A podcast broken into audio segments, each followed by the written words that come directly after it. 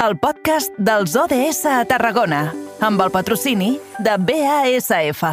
The United Nations is an organization with goals of peace and sustainable development around the world. Their mission is huge, but we're breaking it down in two minutes. 17 sustainable. Són les 6 de la tarda i 6 minuts i amb aquesta sintonia el que fem nosaltres, com sempre, és aturar-nos als estudis de BXC Ràdio perquè hem de començar a agafar l'agenda del 2030, l'agenda de les Nacions Unides, aquest recorregut que fem cada dia des de l'inici de la temporada, un dels puntals quan viatgem eh, uns quants anys més enllà amb la voluntat de millorar tot el que estem fent fins ara en sostenibilitat, en eh, accés, per exemple, a l'educació, en eh, la pau i en moltes altres coses. Són 17 els objectius de desenvolupament sostenible i, de fet, nosaltres avui ens quedarem en el primer, el que va de la fi de la pobresa. Als estudis de BXC Ràdio tenim el nostre company, en Miquel Llevaria. Miquel, bona tarda, bon dimarts. Molt bona tarda, Edu. Doncs Fi de, la, fi de la pobresa, fi de la pobresa. I em penso que tens una convidada aquí als estudis que ens en podrà dir moltíssimes coses d'aquesta fi de la pobresa. Doncs sí, Edu, tenim aquí una convidada que segurament està molt habituada ja de, per veure persones en aquestes situacions de risc, de pobresa, i és que avui parlem, eh, tenim nosaltres a l'estudi mateix la Marta Flores, que és tècnica del projecte d'ocupació de Creu Roja, i ve aquí per parlar sobre les diferents línies d'actuació més ben dit, per parlar sobretot d'una, eh, per ajudar els col·lectius vulnerables, com famílies en situació d'exclusió socioeconòmica i especialment refugiades, persones que venen d'altres països, com per exemple ara mateix Ucraïna, i és que la Diputació de Tarragona recentment ha tret una ajuda, una subvenció de gairebé 300.000 euros per ajudar en diverses línies. Per tant, eh, Marta, molt bona tarda. Molt bona tarda. I per començar, i abans d'entrar de ple en aquesta línia d'actuació, aquesta subvenció de la Diputació de Tarragona, més ben dit, volia fer una pregunta i és com d'important és per a entitats com Creu Roja que ajuden tant en aquestes situacions, en aquestes famílies, en aquestes situacions tan complicades, com d'important és que ajudin a través de subvencions. Home, eh, jo crec que les subvencions, eh, juntament amb el suport de la població, és el pilar fonamental perquè Creu Roja pugui dur a terme la major part de les seves actuacions. Uh -huh. I, a més, aquesta subvenció arriba en un moment clau amb la crisi dels refugiats d'Ucraïna i és que una miqueta davant d'aquest nou repte, un nou repte que fa uns mesos no ens esperàvem ningú que arribés i que suposo que vosaltres tampoc us esperàveu, com l'afronteu? Bé, eh, la, sub, eh, la subvenció de la Diputació de Tarragona fa des del 2017 que la tenim. Per tant, és des d'aquest any que ja portem treballant amb persones refugiades.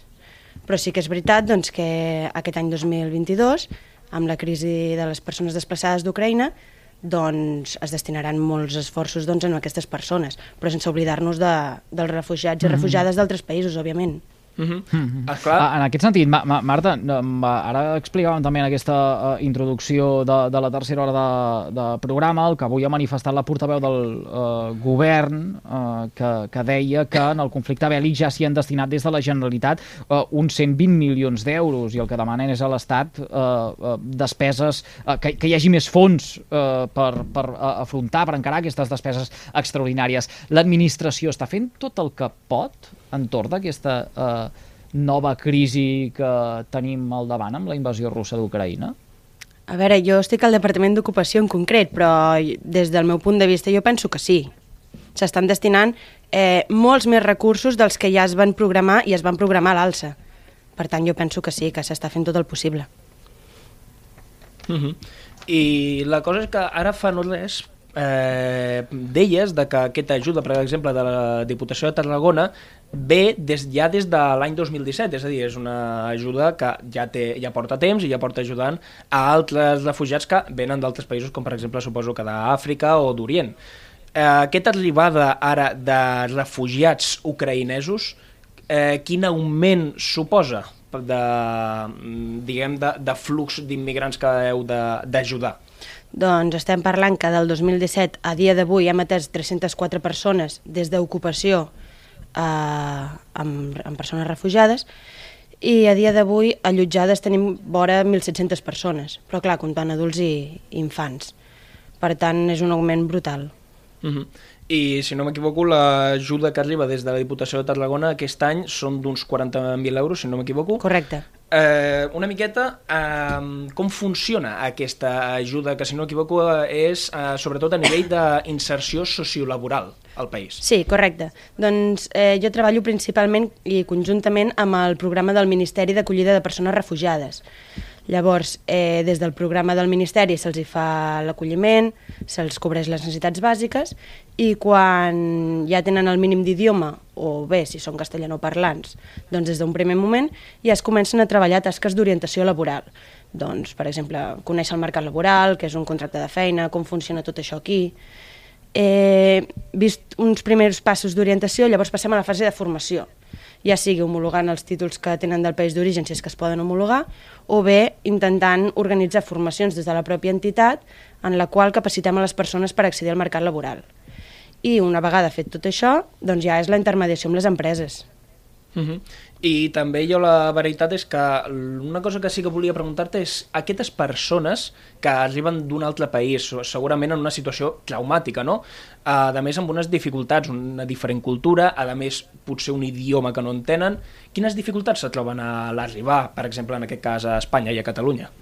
Bueno, doncs, com bé comentes, primerament l'idioma, sobretot les persones que no parlen el castellà, i, clar, eh, trobo que és molt complicat estar explicant el mercat laboral quan encara no tenen un bon nivell d'idioma. Per tant, amb aquestes persones com comencem a actuar un palet més tard. Però amb les que saben el castellà, doncs els ensenyem el català. També altres dificultats que es troben és l'accés a habitatge, també, bueno, òbviament, l'accés al mercat laboral. I més eh, des de la crisi de, que vam patir amb la Covid-19, doncs ara encara és més difícil. Mm -hmm. I la veritat és que també hi ha una, un tema que s'ha posat molt de relleu ara amb la guerra d'Ucraïna i amb l'arribada de refugiats ucraïnesos i amb tota la tensió mediàtica que això ha portat, i és el fet de que eh, s'invisibilitzi tota l'arribada d'altres refugiats o d'immigrants potser ja no per temes bèl·lics, però sí econòmics, d'altres països, com hem comentat, potser d'Orient o d'Àfrica, i que potser aquests puguin arribar a invisibilitzar-se o semblar com refugiats de segona davant d'ucraïnesos. Com, com ho valoreu des de la Creu Roja? Des de Creu Roja eh, la nostra missió és oferir suport a totes les persones que es troben en una situació d'extrema vulnerabilitat, i ja no només parlo de persones refugiades, i com a tal és el que estem fent, és a dir, atenem a refugiats d'Ucrània, refugiats de Síria, i persones vinguin d'on vinguin, s'atenen d'igual forma. Uh -huh i recordem a més que aquesta subvenció és una subvenció de la Diputació de Tarragona, una subvenció de gairebé 300.000 euros i una de les seves línies és la d'aquesta inserció sociolaboral, la qual tu estàs eh, relacionada. Eh, com ha preguntat l'Edu, ja l'Edu ha preguntat el fet de que si creus de que estan fent les administracions tot el que poden. Més que si estan fent tot el que poden, per exemple, si els hi tinguéssiu que demanar alguna cosa més, tant a les administracions, des de les més locals, com pot ser un ajuntament, fins a les a nivell provincial, com és una diputació, o ja més mm, a gran nivell, com és la Generalitat o el govern. Quina cosa els hi demanaríeu? Bé, per demanar eh, més suport econòmic, per poder fer més accions, ja no només amb les persones de la guerra d'Ucrània, sinó amb tots els col·lectius que tenim. Uh -huh. I, per exemple, eh, quanta gent ucraïnesa ja ha tingut la Creu Roja aquí a Tarragona que ajudar? Només de la crisi ucraïna. Una vora 1.700 persones. 1.700 persones. Que... I, a, I a nivell pràctic, i a, i a nivell pràctic com, com se'ls ajuda? És a dir, com es vehicula tota aquesta atenció que uh, s'ofereix a aquest refugiat ucraïnès que uh, arriba amb tots aquests condicionants que explicàvem ara moltes vegades uh, sense uh, entendre eh, l'idioma o amb moltes mancances? Doncs ara mateix, per sort, comptem amb un gran volum de, per de persones voluntàries que parlen ucra ucraïnès i que són, són el pilar fonamental de, de tot aquest dispositiu que s'ha muntat perquè és qui ens, ens fan de via de comunicació amb aquestes persones. Uh -huh. mm. I, i, i, I estan més buscades, és a dir, uh, sembla que la, la, la guerra va per llarg, no sé si preveieu eh, l'arribada de més persones refugiades o, o, o, no. Ara fa uns quants dies escoltàvem com des de l'executiu eh, de Pere Aragonès ens deia que Catalunya havia superat ja el eh, topall, és a dir, què és el que pot passar eh, d'ara en endavant quan portem encara no dos mesos de conflicte, no sé si n'espereu més, i això fa també que hagueu d'estar a la cerca de més voluntaris que es pugui donar un cop de mà.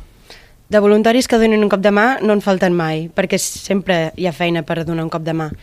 Però sí que és cert que, tal com es va anunciar, hem, hem arribat a una mica al topall, per tant el que es farà són, són derivacions de persones a altres zones del territori. Mm -hmm.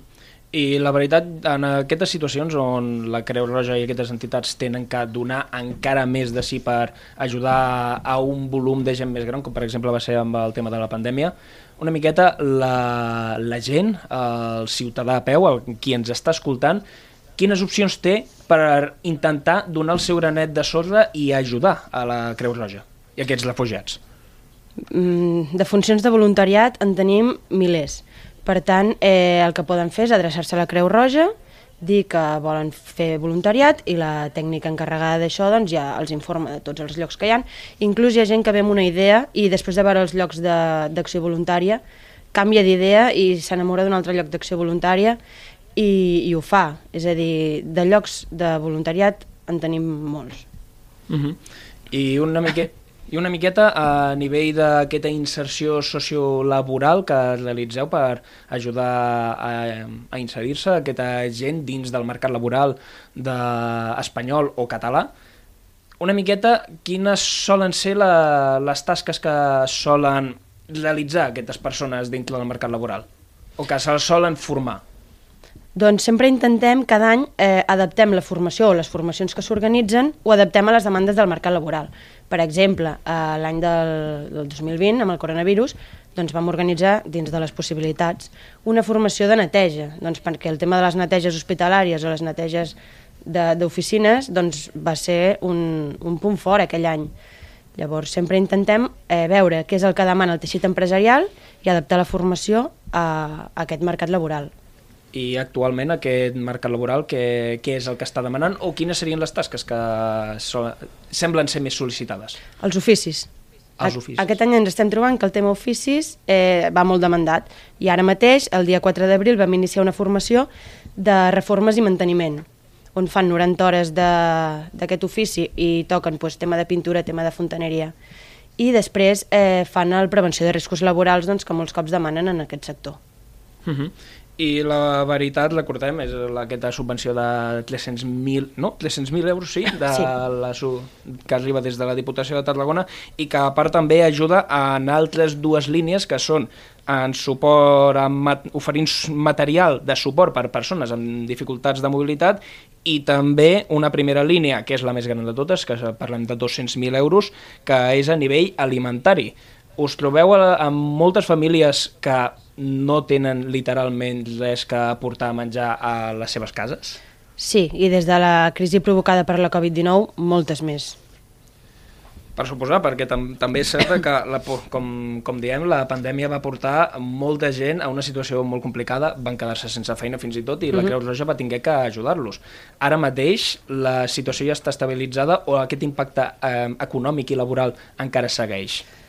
Creiem que en aquest 2022 eh, ja tornarem una mica a la normalitat, perquè, per exemple, del projecte d'ocupació de persones refugiades veníem d'un 78% d'inserció al 2019 i el 2020 va ser, va ser un 57 i el 2021 un 65. És a dir, veiem que es va recuperant, però creiem que no encara als nivells que, que voldríem. 2022, però seria uh, l'any en què podríem parlar de, ja d'unes xifres similars als que hi havia abans de l'esclat de, la, de la crisi. És allò que ens hem ficat tots entre cella i cella, eh? com si la pandèmia ja hagués passat, tot i que l'Organització Mundial de la Salut encara no ho ha dit pas, però tots diem sí, la majoria dels sectors ha de ser l'any de la recuperació postpandèmica. Es tractaria d'assolir el que ja hi havia el 2019. Sí, és el, bueno, és el que intentarem. Doncs, eh, doncs tant de bo fugir d'aquesta manera i aquells que ens estiguin escoltant i que vulguin aportar el seu granet de sorra també, com eh, dèiem, la Creu Roja eh, sempre obre les portes a aquells que ha d'ajudar, però també a aquells que poden oferir la seva ajuda. Eh, els que ens estiguin escoltant sàpiguen que s'està fent molt bona feina des del nostre territori i si, a més a més, les administracions acompanyen amb aquestes subvencions que avui ens han portat a parlar de la Diputació de Tarragona, millor que millor. T'agraïm moltíssim, Marta Flores, tècnica de Cultura de Creu Roja, que ens hagis acompanyat aquests minutets en directe al carrer Major de les ràdios de la xarxa al Camp de Tarragona. Gràcies a vosaltres.